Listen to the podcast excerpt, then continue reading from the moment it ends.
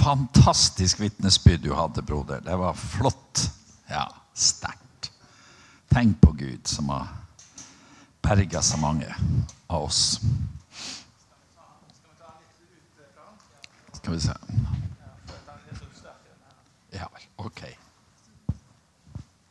Sånn. Hører dere meg bra der nå? For det som ikke var her i, eh, i går på møtet, da, så kan jeg jo si at det heter Håkon Fagervik og kommer ifra Dere hører at jeg ikke er fra Sørlandet. Kommer litt lenger nordifra. Og så um, har jeg reist som evangelist i uh, ja, det er 56 år siden jeg starta nå, så jeg er jo et sånt gammelt øk av en evangelist. Litt salrygga, men fortsatt oppegående. Så um, det har vært en fantastisk reise. Jeg har seks barn, og så har vi 16 barnebarn. Så er det ei fantastisk kone som strekker så det ryker pinnene. Så hun strekket ned vesten til meg. Du vet, Når du har 16 barnebarn, så er det et helt prosjekt å strekke til alle de. Og det er tenåringene som driver og maser om at de skal ha seg ny jakke og ny genser. og alt mulig. Så sa jeg det, nå er det min tur, sa jeg. Så da har hun strekket ned vesten til meg. Så det er jo fint. Og så Hun var 17 år når jeg begynte å kysse på henne. Og nå er hun 71 og fortsatt driver og kysser på henne. Ja, det er bra. Det er fantastisk. Ja. Og så flott at dere er med og sår inn i Halvard arbeid. Jeg tok med meg noen bilder. Jeg vet ikke om du har de der eh, fra Ukraina. Vi har jo et stort arbeid i Ukraina, vi også. Så her ser du bønnesenter. Vi har jo bønnesenter overalt der vi starter misjonsarbeid. Så bygger vi opp et bønnesenter. Så det her bønnesenteret vi har i Ukraina.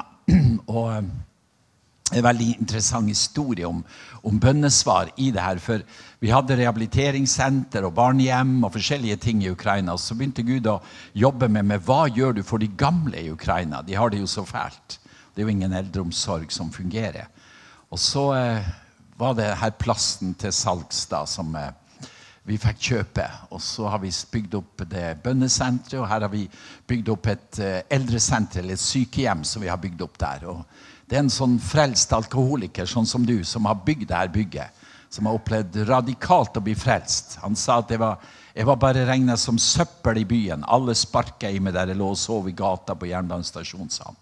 Og så er han en sånn dyktig mann. Så et bilde til, så ser du det, det fine her ifra, ifra, ifra bønnesenteret på Levanger. Det var jo bønnesenteret dere så første video med Anders også.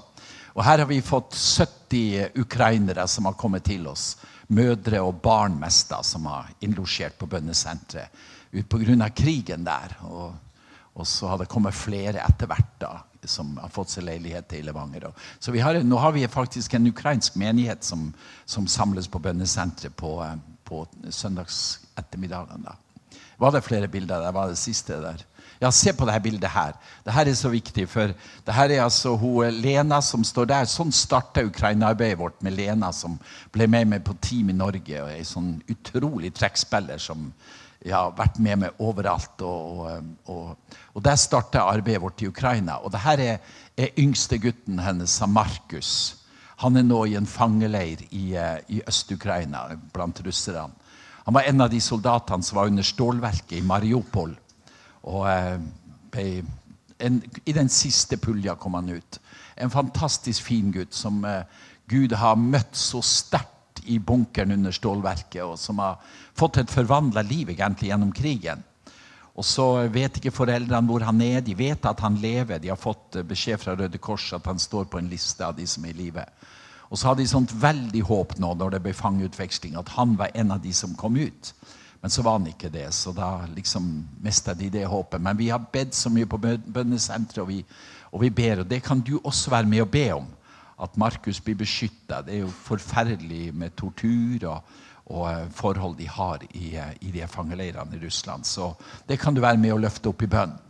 Så eh, ser du litt av det som vi holder på med også i, i Ukraina. Vi har arbeidet på mange forskjellige plasser i landet og har kjørt veldig mye matvarer inn mot krigsområdene nå. da. Halleluja. Det er fantastisk å få være til velsignelse for mennesker. Og du vet, det, det er det som er så stort med Guds rike, at når vi eh, kommer med Guds rike til et fattig folk som ukrainerne, så sprer vi velsignelse. Så kommer det velsignelse ut fra vårt liv. da. Og Jeg satt til og med ordføreren i en stor by på sida av der vi har bønnesenteret. Og så, og så han kjørte opp til bønnesenteret, der vi har bønnesenter og eldresenter og rehabiliteringssenter. Vi har et stort område der. Så, så sa han at de kjørte gjennom den fattige og skitne landsbyen og så kjørte opp foran eldresenteret. Og så sa han det var akkurat som å kjøre inn i Europa. Plutselig var jeg i en helt annen verden, sa han. Hvorfor gjør dere det her? Og så sa, fortalte han at vi har møtt Jesus. Han har rørt ved vårt hjerte. og Vi har møtt av Guds kjærlighet. Derfor må vi gjøre noe for de som har det vondt. Eh, og Det er jo fantastisk å få, å få bringe evangeliet til mennesker. Både gjennom barmhjertighetsgjerninger, gjennom kraften i evangeliet, og se hvordan menneskeliv blir forvandla. Dette er det som er vårt kall. Og du vet, Dette er jo en bønnekonferanse, så jeg skal si litt om bønn her i, i kveld. da. Og så leser vi fra 2. krønikene 7,14. Hvis da dette folket, som mitt navn er nevnt over, ydmyker seg og ber, søker meg, vender seg bort fra sine onde veier, da skal jeg høre dem fra himmelen, jeg vil tilgi syndene, og jeg vil lege landet. Hør på det der. Da vil jeg tilgi syndene, og jeg vil lege landet. Og nå vil jeg holde øynene åpne og ørene vendt mot hver bønn som stiger opp ifra dette sted. Jeg tenker på Hvis vi tror det her som står her, så ser du for en utrolig makt som ligger i din og min bønn. Og hvilke muligheter vi har i bønn. Jeg som evangelist er veldig sensitiv for steder der det er mye bedt, og steder der det er lite bedt. Hvis jeg kommer til et sted der det er mye bønn, så merker jeg med en gang jeg kommer inn i lokalet, at her er Gud, her kan det skje spesielle ting. Det er lett å fungere i kunnskapsord, i profetiske ting, fordi at atmosfæren er bearbeidet gjennom et folk som ber til Gud. Og dette er den nøkkelen som Gud har gitt oss, og som vi kan være med og lage samfunnsforandring i landet vårt hvis vi tror på bønn og vi tar tak i det her som Gud har gitt oss på bønnens område. Og så har Gud, Vi snakka om det på bønnemøtet i, i morges bort på Sion. at Tenk at Gud har gitt oss en sånn enkel vei. Det står at han har banevei like inn til Faderens trone. Altså Det er ingen hinder. Vi kan komme direkte til kommandosenteret i universet. Der kan vi røre ved Faderens hånd, som styrer dette universet, og styrer de plassene der vi bor. Og Derfor har Gud gitt oss et sånt redskap som heter bønn, og som vi skal få lov å bruke. Og du sa det, du eh, Var det Janne du kalte det på norsk fra, fra Hva? Ja, var, det, var, det, Janne du sa på norsk? Ja. At du sa, du sa noe veldig fint på bønnemøtet i morges. At uh, det her med bønn det virker gjennom utholdenhet og gledesfylt bønn. Og det har vi veldig tro på. På bønnesenteret har vi holdt på i 20 år nå. med, med Gud kalte meg til å starte et bønnesenter midt i Norge. Og um, i løpet av det, du vet at Når jeg, når jeg starta det, så, så, skrev jeg i nyhetsbladet vårt at her skal vi ha 24 timers bønn, syv dager i uka, året igjennom. ja, ja, ja, kjære Gud. Så var vi noen få stykker som skal fullføre det prosjektet. Og vi var dødsslitne etter kort tid. Så tenkte hvordan skal vi få det her til? Vi hadde skrevet opp under kalenderen vår når vi kjørte på. Og så kom Gud og møtte meg og så sa han, Håkon jeg er ikke interessert i bønnekalenderen din, hvor mye du kan fylle ut med at du ber så og så mye. Men det jeg ønsker, er at det skal være liv det, i det du gjør, og at det skal være slitesterkt i mange år framover. Og det har vi opplevd på bønnesenteret, at det, det sliter sterkt. Vi har et veldig gledesfylt bønneliv. Og så har vi holdt ut nå i mange år og bedt til Gud. Uh, og det er så interessant. Og, så, og Gud sa det til meg for, for når Gud kalte meg til dette, her, så skulle det ikke være et kontemplativt sted et retreatsenter, men det skulle være et forbønnens sted. Der det skulle bes for landet vårt. Det var det som var kallet som jeg opplevde. Og så ga han oss to sånne bærebjelker som det skulle være forbønn og lovprisning. Med mye vekt på lovprisning. Eh, og det har vi vært, fått holdt på med. Eh, med vi hadde, Han som er leder for Nordic Mission for arbeidet vårt, som overtok etter meg, som heter Leif John Johannessen, en kar fra Haugesund. Han har vært en fantastisk lovsangsleder opp igjennom tida vi har holdt på. Og så har Anders kommet inn etter hvert. Anders Skarpsno kjøpte seg hus på Levanger. Og, og rundt Anders så yngler det jo da musikere og sangere. Og, og, så er vi i gang med det prosjektet å lovprise Gud. Og Vi var, hadde en konferanse i Oslo som jeg var med på i Philadelphia. i Oslo, Så kom Bill Johnson fra Betel. Han eh, kom fram og så sa han at jeg får en sånn merkelig melding på telefonen min her, sa han, fra en profet borti USA. Og der, Her står det sånn her Si til vikingene fra Levanger at stedet deres skal være en adoration pillar, en beundringspilar, midt i Norge. Er det noe som heter Levanger, sa han Bill Johnson. Så satt vi der noen stykker da. Så er det jo noe som heter Levanger. Og så stemmer det som er det som vi kjenner på. Vi skal være et beundringssted for Jesus. Det vi skal beundre av masse. Glede oss over ham og fryde oss over ham og kjenne sødmen av å få lov å være i hans nærhet. Det er det som bærer oss hele veien. Og det er det fantastiske med bønn. At når du kommer inn i bønn, så opplever du det er en sånn, en sånn verden av Guds herlighet som vil møte det gjennom bønnelivet.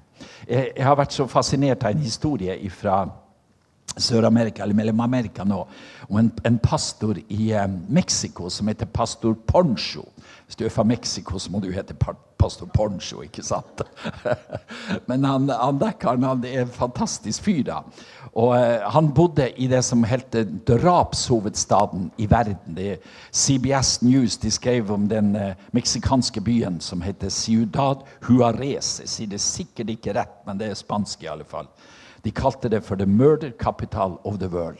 Et byen i verden der det var mest drap pga. narkotikakartellene og kriminaliteten.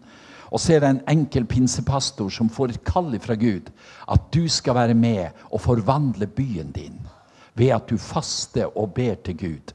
Og Gud kalte han til å be 21 dager og faste og be 21 dager for byen sin. Og Så sier Gud til ham du skal ikke gjøre det i lokalet ditt. Du skal sette deg i den sentrale parken i byen, og der skal du be for Huares, at byen blir forvandla. Så tar han et campingtelt med seg og et lite bord og en stol. Og så setter han seg i parken og, eh, med Bibelen sin og begynner å be for byen sin. Og Tredje dagen han sitter der, så kommer det en journalist og spør hva er det du er sinna på. Hva er det du protesterer imot? Og så sier han ikke sinna på noen ting. Jeg protesterer ikke mot noen ting. Men jeg er en mann som hører fra Gud. Og Gud har talt til meg at jeg skal be for byen min. Hører du fra Gud, sier journalisten. Det er jo interessant. Hva er det du hører fra Gud? Og så fortalte hva han har hørt fra Gud. Og så gikk journalisten til avisa og sier vi må skrive det som denne mannen hører fra Gud. Så hver dag så slo de det opp i avisa hva pastor Poncho hadde hørt fra Gud siste døgnet. Og så begynner folket å strømme til. Se, først kom de som var i nød. De kriminelle, de prostituerte, de ville ha forbønn. Og så begynte de kristne å strømme til. Og for var, De 21 dagene var gått sann, så var vi over 4000 som satt i parken og fasta og ba til Gud for Juarez. Og så kom Gud med sin herlighet over byen. Så brøt vekkelsen løs så knyttes de kristne sammen i en enhet i byen. Og så sier han så fikk vi et bønnerop som vi skulle rope over byen vår. Og vi sto sammen, pastorene sa noe, på en høyde over byen. Og så ropte vi over Huares. Huares, du er ingen farløs by. Du tilhører din himmelske far. Og det ropte vi igjen og igjen.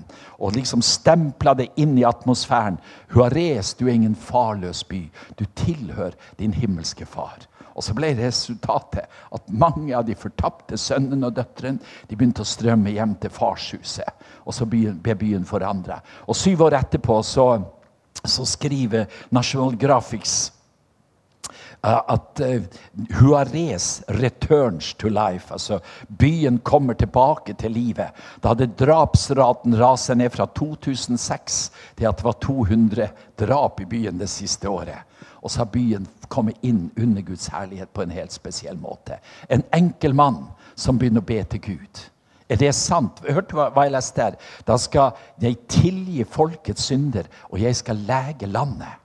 Og Det er det Gud har en lengsel for når det gjelder både Bømlo, når det gjelder landet vårt og folket vårt. Så har Gud en sånn lengsel i sitt hjerte at det skal komme en legedom inn i et fortapt folk. At de må vende tilbake igjen til farshuset og skjønne at de er ikke farløse, men at de har en far som venter på dem. Du vet, De er bare farløse så lenge som de sitter i grisetrauet. Men så snart de er på veien imot huset, så står far der med den åpne favna for å ta imot dem. Og så kommer legedom og gjenopprettelse inn i mennesket sitt liv. I 1. Timos 2,1 så står det se, se, på det verset her. Guds, med Guds hjerte for folket. Jeg formaner dere fremfor alt. Hør på det. Ikke sist og til slutt. Ikke en salderingspost, men fremfor alt å bære fram bønn og påkallelse, forbønn og takk for alle mennesker. Be for konger, alle i ledende stillinger, så vi kan leve et stille og fredelig liv med Guds frykt og verdighet i alt. Det er godt og noe Gud vår frelse gleder seg over. Han som vil at alle mennesker skal bli frelst og lære sannheten å kjenne. Hørte hva det sto her? Det er godt, og det er noe Gud vår frelser gleder seg over. Tenk at gjennom din bønn så er du med å glede Guds hjerte. Gud gleder seg. Det er noen på Bømlo som ber. Det er så du hører halleluja i himmelen. Nå er de i gang. Bønnefolket er i gang. Og så kan du være med og forandre sted gjennom din bønn. Vi har jo et stort arbeid i Ukraina, som jeg sa, men det starta egentlig i eh, på Kolahalvøya. Vi var noen av de første bilene som for inn på Kolahalvøya. Jeg hadde stått i en sterk vekkelse i Karasjok, der mange unge var blitt frelst. Det hadde gått en selvmordbølge over Karasjok i, i, eh, i, eh, Finnmark. og, og eh, Tolv unge mennesker hadde tatt sitt eget liv på ganske kort tid. Det var over 70 i Karasjok som tok sitt eget liv i løpet av noen år der. Men, men akkurat den perioden så var det tolv ungdommer som hadde tatt sitt eget liv. Og det var dyp fortvilelse i bygda. Helsemyndighetene var inne, psykologer jobba inn mot skoler for å prøve å hjelpe ungdommen. Og, og, til slutt så var det helse- og sosialsjefen som sa nå må de kristne komme og hjelpe oss. Vi vet ikke hva vi skal gjøre. De beste ungdommene tar sitt eget liv. Og Så kom jeg oppover dit, hadde med meg ti ungdommer. Og så begynte vi å og Vi fikk masse timer på skolen, vi var på diskotek, vi var på puben. Vi var overalt for å prøve å, å bringe evangeliet til de her unge menneskene. Og ingenting fungerte. Men så var det tre enkle mennesker som lå på kne i pinsekirka. Og Siri, han Hjalmar og Amund. De, de, de, nesten utskuddene som ingen regna med. De, de, var ikke regna med noen ting. Men de hadde en sånn nød at de ropte og gråt og ba for Karasjok. Og Han sa til Hjalmar at eh, til slutt så, så, lå vi bare der og sa Gud, du må ta oss hjem hvis du ikke kommer til Karasjok. Vi kan ikke se at ungdommen tar sitt eget liv. Og vi ropte og vi gråt til Gud. Og så sto vi der, og så var det så tøft og hardt og mørkt i Karasjok. Og så tenkte jeg at vi, vi, vi, vi, kommer ingen vei. De ti ungdommene jeg hadde med meg, var så brennende og sånn i farta. Men det var ingenting som skjedde. Og så tenkte vi vi må gå inn i faste og bønn. Så vi begynt, tok en faste periode der vi fasta og ba til Gud og søkte Gud for Karasjok. Og så var, har ei bønnedame, en, en, same som bor i nærheten av Trondheim, som har bedt for meg opp gjennom livet mitt. Og plutselig så ringer hun og så sier hun at Vet du, sa hun, nå kommer vekkelsen over Karasjok. Så sier Kirsten Anna du vet ikke hvordan det er her. Det er så hardt og tungt og mørkt at eh, det, det, går ikke an. Det er ikke noe som kan skje her. sa jeg. Jo, så sa hun, jeg var ute og gikk med hunden min i dag, sa hun. Og uh, hun hadde en sånn bønnehund som hun gikk med. Det er jo godt å ha det. For mann, mannen hennes var, var, ikke kristen, og når hun skulle be, så, så sa hun jeg må ut og lufte hunden. Ja, så da får du ut lufte hunden. Og så jeg var i skogen i dag, og da viste Gud meg at i kveld så starta det. I kveld så kommer den første bølga av vekkelse. Og så sa jeg, jeg var, jeg var også skeptisk, for det var bare tungt. Og så er det akkurat den kvelden så fylles pinsekirka med unge mennesker. Noen røyka i kirka, noen hadde med seg brennevin. Og, og uh, den gamle pastoren han var sjokkert over det her. Tenk at de, de røyka i kirka mi. Men vi kjente jo lukta av syndere. Plutselig var de der. De som vi har lengta. Og så brøt vekkelsen løs. Og den første kvelden så var det 13 stykker som tok imot Jesus. De som er pastorer i pinsemenigheten der nå, de ble frelst da, den kvelden. Og så braka det løs med en vekkelse som forandra egentlig hele bygda. Eh, Justisdepartementet de lagde en rapport om, om selvmordsbølga i, i Karasjok. og I den så intervjuet de lensmannen og sier han, det var som du snudde atmosfæren i bygda vår. Plutselig sier han, så var det en helt atmosfære. Hva var det som skjedde? Jo, djevelen herja i bygda. Mørke, depresjon preger bygda. Og plutselig så vandra Jesus inn. Og så drypper det velsignelse av hans fotspor. Og det som prega vekkelsen som vi fikk stå i Vi sto jo der i mange uker. Det var en sånn glede som kom inn i menneskers liv. De ble, de ble så lykkelige og glad. Jeg husker jeg lå ba med en kar som heter Ole Tommy der en kveld. og så eh, Plutselig mens jeg ba for han, så sprang han på dør. Og jeg tenkte, hva, hva, er det som skjer? Har jeg vært for voldsom i min bønn? Eller har jeg vært uvis? Eller, ja. Og så kom han inn etter en stund og sa jeg, hva, hva skjedde med det? Jo, så sa han når du bedde for meg så ble jeg så utrolig glad så jeg holdt på å begynne å storflire. sa han. Og det skal man ikke gjøre i kirke, sa han. Så, så jeg, jeg, for ut, og så sprang jeg rundt bilen min, og så hoppa jeg så høyt sekund. Og så flirte jeg alt er klart, for jeg ble jo så lykkelig, sa han. Og det var kjennetegnet på vekkelsen. Og vet du, I Karasjok gikk det mange år før noen tok sitt eget liv i den bygda igjen. Gud kom på besøk. Og så Ut ifra det så begynte vi å reise inn til Russland. Det åpnes opp på grensen. Og jeg, jeg glemmer aldri første uh, møte med Nikkel, byen som ligger helt på grensen med Kirkenes. Og så hadde vi, hadde vi, fått kontakt med ordføreren, vi skulle leie Kulturpalasset der.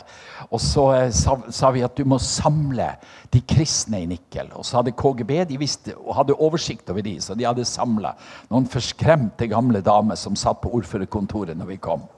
Med sånne grå sjal, og de, de så helt vettskremte ut. Og så, og så eh, visste de jo ikke hva vi ville da.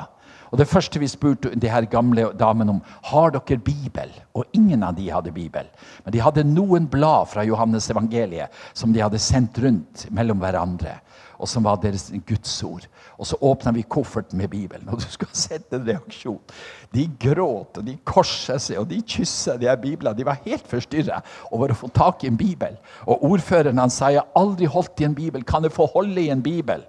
Og vi, vi ga han en bibel, sa du skal få en bibel. Og så når vi gikk ut derifra, så tolken vår, som heter Soya, hun sa til meg at du må fortelle meg om Jesus. For jeg lærer på gymnaset, og jeg, jeg, vet ingenting om Jesus. Elevene de er på meg hele tida at jeg skal fortelle dem om Jesus. Og jeg vet jo ingenting, sa hun. Og jeg fortalte henne enkelt sånn søndagsskolemateriell om Jesus. Og som vi møttes på eh, hotellet og spiste frokost dagen etterpå, så sier hun Soya til meg at i natt har jeg ikke sovet. Jeg har bare tenkt på Jesus hele natta. Du må fortelle mer. Så fortalte jeg mer, så begynte hun å hikste, gråt, sprang på toalettet og unnskyldte seg at hun var så følsom. Og så så jeg inn i en sånn dyp lengsel etter Gud, som vi har opplevd nå i alle de her årene iblant det slaviske folk. En lengsel etter Gud. Og Jeg husker jeg sa til en gammel mann hvordan, etter 70 år med ateisme og kommunisme Hvorfor er det en sånn lengsel etter Gud i det russiske folket? sa jeg. Så sa han du, det skal mer enn 70 år for å fjerne Gud fra det russiske hjertet. Det føler jeg at vi har fått vært med på. Og sett hvordan Gud har forvandla byer og steder ved at Guds kraft har kommet med Guds herlighet. Og dette er evangeliets natur. Det kan forvandle menneskeliv og sette mennesker i frihet. Og Vekkelsen som vi opplevde i Karasjok, den dro vi med oss inn på Kolaløya. Starta mange menigheter der inne. Og så et sånt gjennombrudd for det som Gud kan gjøre når vi kommer som Guds folk. Og vi er kalt til å komme med velsignelse. Og gjennom bønn så har vi sånne muligheter. Du vet at Mange sier til meg at jeg er jo ingen stor forbeder, og du har vært mye på det her med bønn. Og, men du vet at, at, at, Gud ser det ikke sånn. Den enkleste bønn tror jeg er virksomfull. Vet du hva det står i Salme 102? Det står Herren hører den elendiges bønn, og han lytter til fangenes sukk. Tenk på det. Han hører den elendiges bønn, og han lytter til fangenes sukk. Sånn er vår Gud. I, I, min familie så har vi en sånn sterk historie om dette. her, fordi at, at Grunnen til at min familie ble en kristen familie Vi kommer fra et område med, som har vært veldig vekkelsesfattig opp igjennom historien. egentlig. Når bedehuset heter Valhall, da skjønner du at det er ikke det er, det er ikke, det er ikke et, veldig, et vekkelsesområde der på Selja der jeg kommer fra. Men det er faktisk sant. Bedehuset heter Valhall. Det var et gammelt avlslokale. for andre navnet på det i ei, ei bygd, det er ikke godt. Tenk om du skulle forandre navnet på Sion på Mosterhamn. Det er ikke godt å få til et annet navn på det bygget der. Det er jo Sion. Og sånn har det blitt på Selja. Men i alle fall så starta det i vår familie med bestefar som mistet sin sønn. Han var en fattig fisker som eh, hadde en seilbåt og drev fiske utenfor, på øyen der ut, utfor oss. Og så hadde han én gutt. Han hadde tre jenter og en gutt. og så... Eh, på 18 år gammel så eh, mista han sønnen sin på havet. Det kom en nordvestguling på vei på land, og de ble sett han på båtkvelvet. Og så var båten så liten at den var for dypt, og så sier Håkon at jeg skal svømme på sida av båten, så kan du sitte på kvelvet. Så kjøles han jo ned i november, 29. november i, eh, i 29, så, så, skjedde det her. her. Og så sitter bestefar der og reker i timevis inn mot ei øy. Og hvordan de overlevde, det er helt utrolig. Men de hadde ullklær innerst, sa de. Derfor overlevde de. Og Så ble han liggende i fjæra på den plassen og rope og, i sin nød. Og så var det én familie som bodde der. Men der på båtkvelvet der sa bestefar hvis det blir berga, så skal jeg gi mitt liv til Gud og bli en kristen. Og Så kom han til Lofoten vinteren etterpå. Der var det vekkelse på regnet i Lofoten. Og der ble bestefar frelst. Og så tok han med seg kristenlivet. Og bestemor hun, hun holdt på å bli gal. Hun gikk i fjæra i tre uker og, og ropte Håkon utover havet. Og det mista sin eneste sønn. Og jeg brukte å sagt det, at jeg er så glad når, når jeg, han, Håkon, som jeg ble, jeg ble oppkalt etter han som døde, så fortsetter bestemor å rope for mitt liv, at jeg skulle bli frelst. Og så fikk jeg lov å bli frelst. På av mamma sine bønner og bestemor sine bønner. Og så kom Gud inn gjennom den elendige spønn som ble ropt på båtkvelvet. Så starta det noe i familien vår som har blitt resultatet i at tusenvis av mennesker har blitt frelst. Gjennom en enkel bønn som starta der, der det ble bedt i nød. Og Herren han, han hører din bønn. og han, han, er ikke interessert i om du er en sånn superbeder, på noe vis, men han vil høre på din bønn. Han vil bruke din bønn. Han vil la din bønn skape resultater i samfunnet.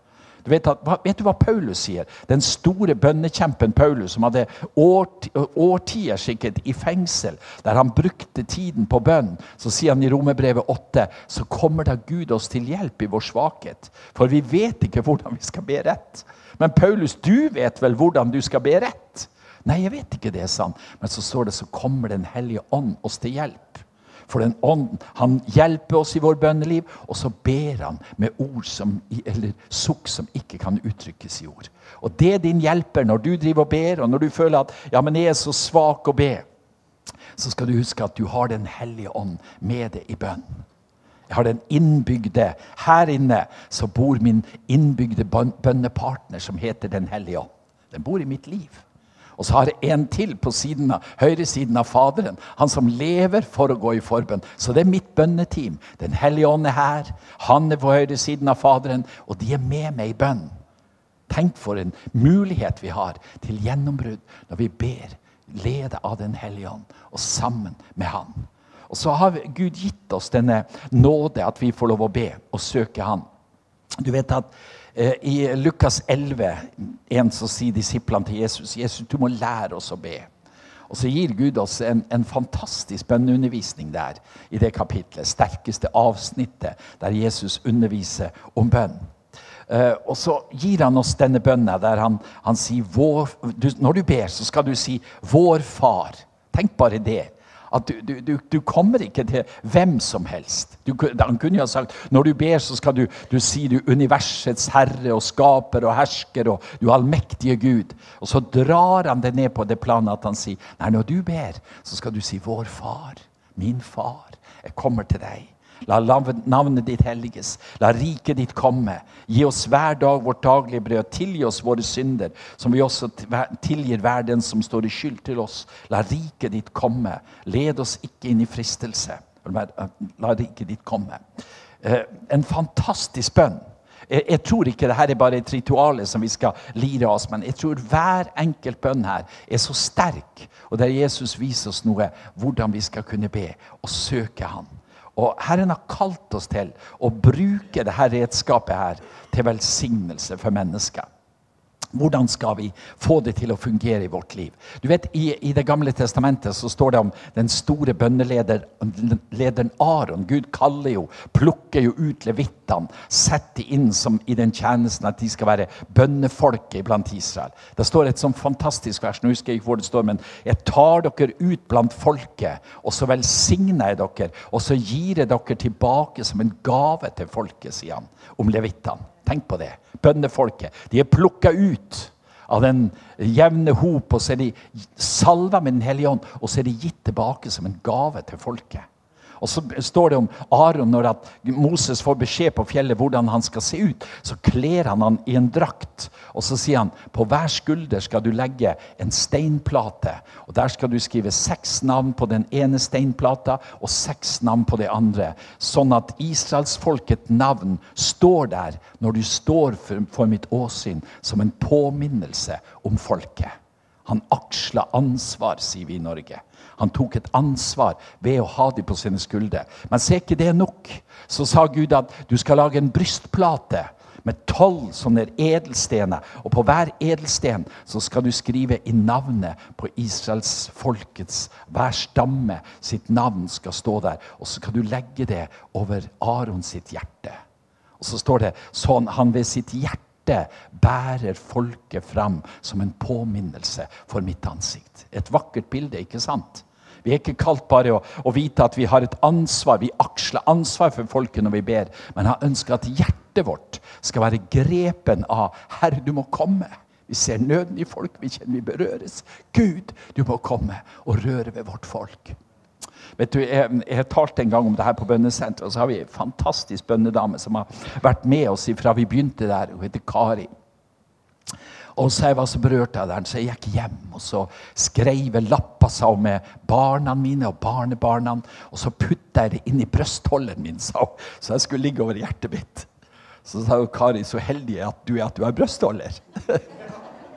Jeg er jo så feit, jeg skulle kanskje hatt det også. Men, men, eh, men så tenkte jeg når, jeg, når, jeg, når jeg sa det, at, at sannelig Nå skal jeg bare kjøpe meg skjorte med, med lomme på her. Så her inne så har jeg masse sånne bønnelapper. Jeg har, jeg har laget meg så, jeg har iallfall 100 navn som jeg driver og ber om. Så kan jeg ta de fram på et fly, eller kan ta de fram på tog, eller kan ta de fram på morgenen, på kvelden. Og så minner jeg Gud om de her. Her har jeg barna mine, barnebarna mine, mange bønnebegjær som kommer opp når jeg reiser rundt omkring. Og så løfter jeg det opp til Gud. Og så prøver jeg å være bevisst at jeg skal ha det over hjertet mitt. Det skal berøre hjertet mitt. Jeg ønsker ikke bare å ramse opp noe, men at hjertet mitt er berørt, og at jeg kan være med og be kraftfullt inn i folket og landet vårt. Og så tror jeg på, veldig på det her, at vi har en velsignelsestjeneste i bønn. Vi er kalt til å velsigne. Er, er dere enige om det, folkens? Det var en, en, pastor som ringte meg en gang og sa du må være med og be imot det var et idrettsarrangement. Be imot det idrettsarrangementet, for det er ikke bra. Det har noen feil okkulte røtter. sa han. Så sa jeg til han at, at jeg syns det er vanskelig, for jeg, jeg, driver ikke med motbønn. Jeg lever jo med forbønn. Jeg er jo for folk. Jeg er jo for at det skal skje så er de med forbønn. Og så har jeg alltid med meg en sånn salveoljeflaske. Så jeg, jeg salver og ber. Jeg vet ikke om du får, får, opp de bildene der. Jeg hadde et par bilder på det. Jeg har vært med og bedt for masse bedrifter og greier rundt omkring. Så der har du, Dette er altså Arbeiderpartiet sin største avis i Nord-Norge eh, som heter Nordlys, så står det at predikant ba for halve sommerøya. Fiskerne fyller båtene til Ripa, hotellet går så det griner, og turismen blomstrer. Milde Moses for en fangst. ikke det fint?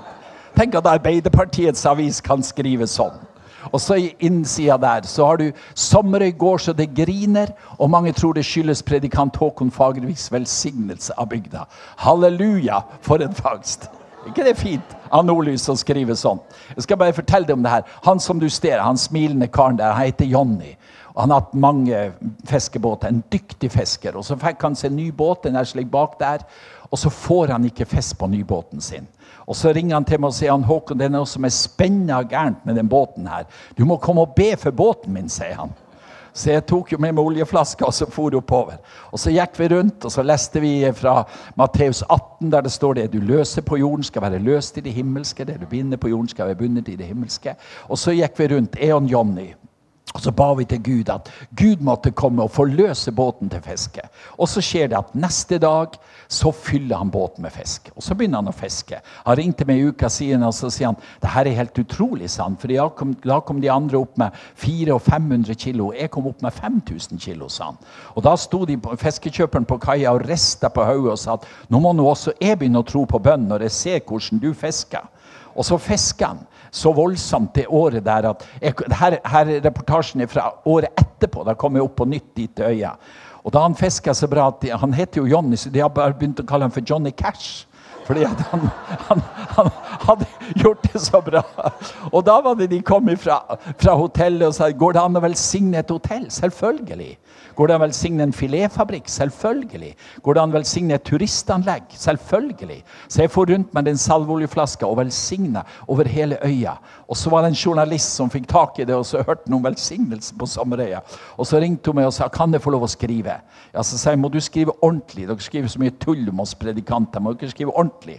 Ja, så sa hun det, det går ikke an å skrive tull, sa hun, for det, det er så eksotisk det jeg har hørt der ute. Og Det er jo eksotisk når Guds velsignelse bryter igjennom. Og vi får være med på hans prosjekt, som er å velsigne og dele Guds godhet med mennesker rundt omkring. Og alt det her det ligger i bønn. I enkel bønn så kan du få lov å se at Guds velsignelse bryter igjennom. Nå skal, nå skal jeg slutte av snart her. Sikkert ikke altfor lenge. Bare gjør sånn her når, du, når det, det ikke vil ha mer. Men, men du vet at hvis det fortsetter litt i det kapitlet som Jesus underviser om bønn, så ser han noe interessant i der. Så sier han, så sa han til dem, sett at en, dere, at en av dere går til en venn midt på natten og ber ham, kjære, lån meg brød, tre brød. En venn er kommet på reise, de er kommet til meg, jeg har ikke noe å by ham. Tror dere han vil da svare der innenfra, ikke forstyrr meg, døren er alt stengt, og barna og jeg er i seng. Jeg kan ikke stå opp og gi deg det. Nei, sier dere, om han ikke står opp og gjør det for vennskaps skyld, så vil han i alle fall gjøre det fordi han er så pågående og skamløs, står det egentlig på grunnteksten, og gi ham alt det han ber om. Vet du hva det her forteller? Jeg, jeg tror det forteller at han vil gi deg det for vennskaps skyld. Og Tenk å ha et vennskapsbasert bønneliv der Jesus er din venn. Du vet at jeg går hele dagen og sukker og nynner og tygger på navnet Jesus. Et vidunderlig navn.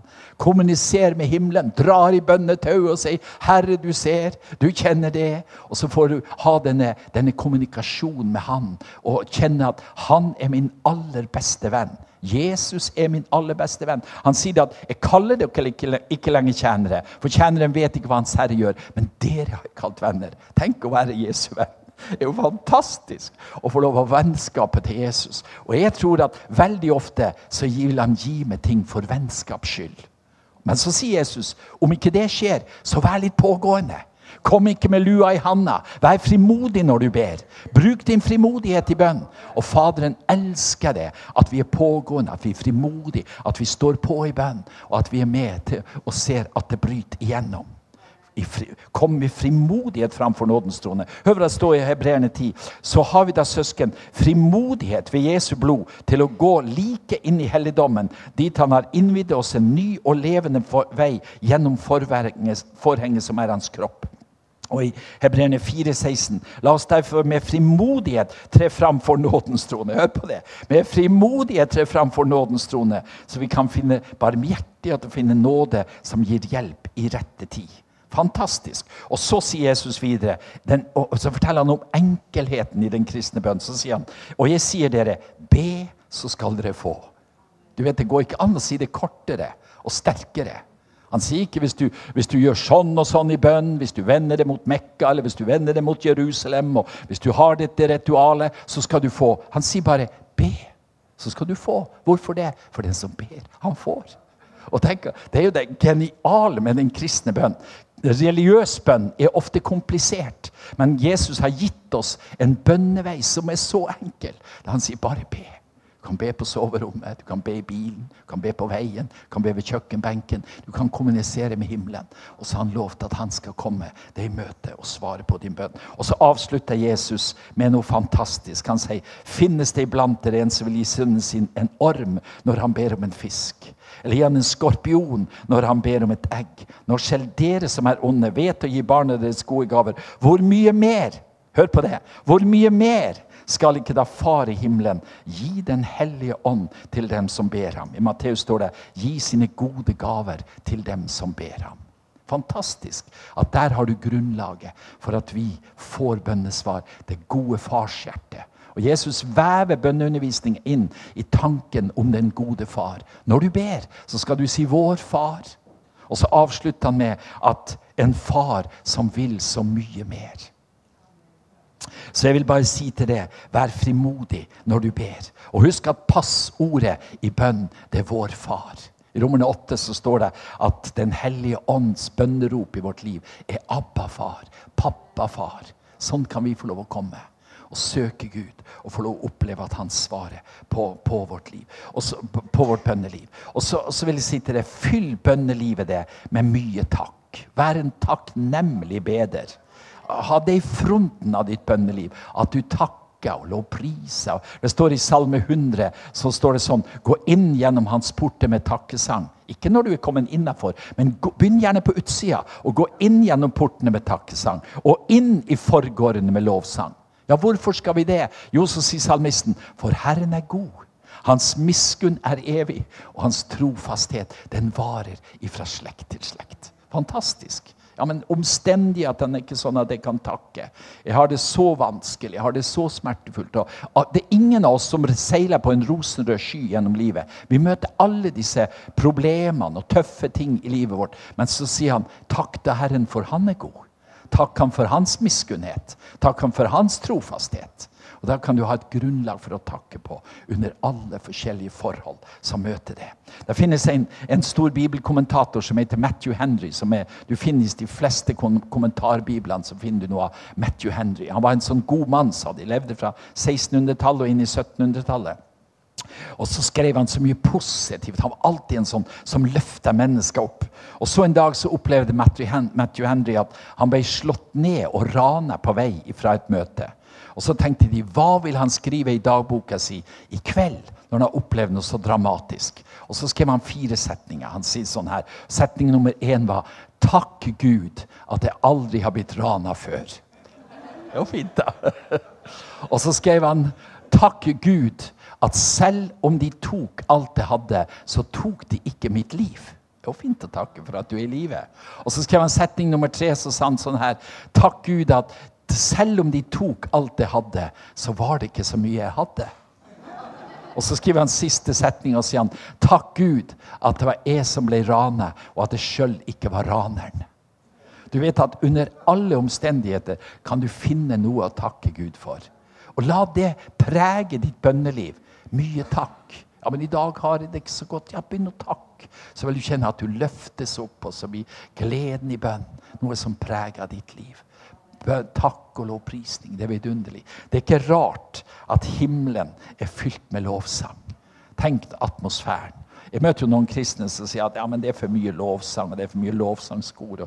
Så sa jeg må du passe deg at du ikke får et sjokk når du kommer til himmelen. For Der blir det mye kor, og der blir det mye, lovprisning. Og jeg føler at når det gjelder lovsangen, så holder jeg på å øve meg. Jeg skal være klar. Den dagen det kommer til himmelen, skal det være noe som er vevd inni meg.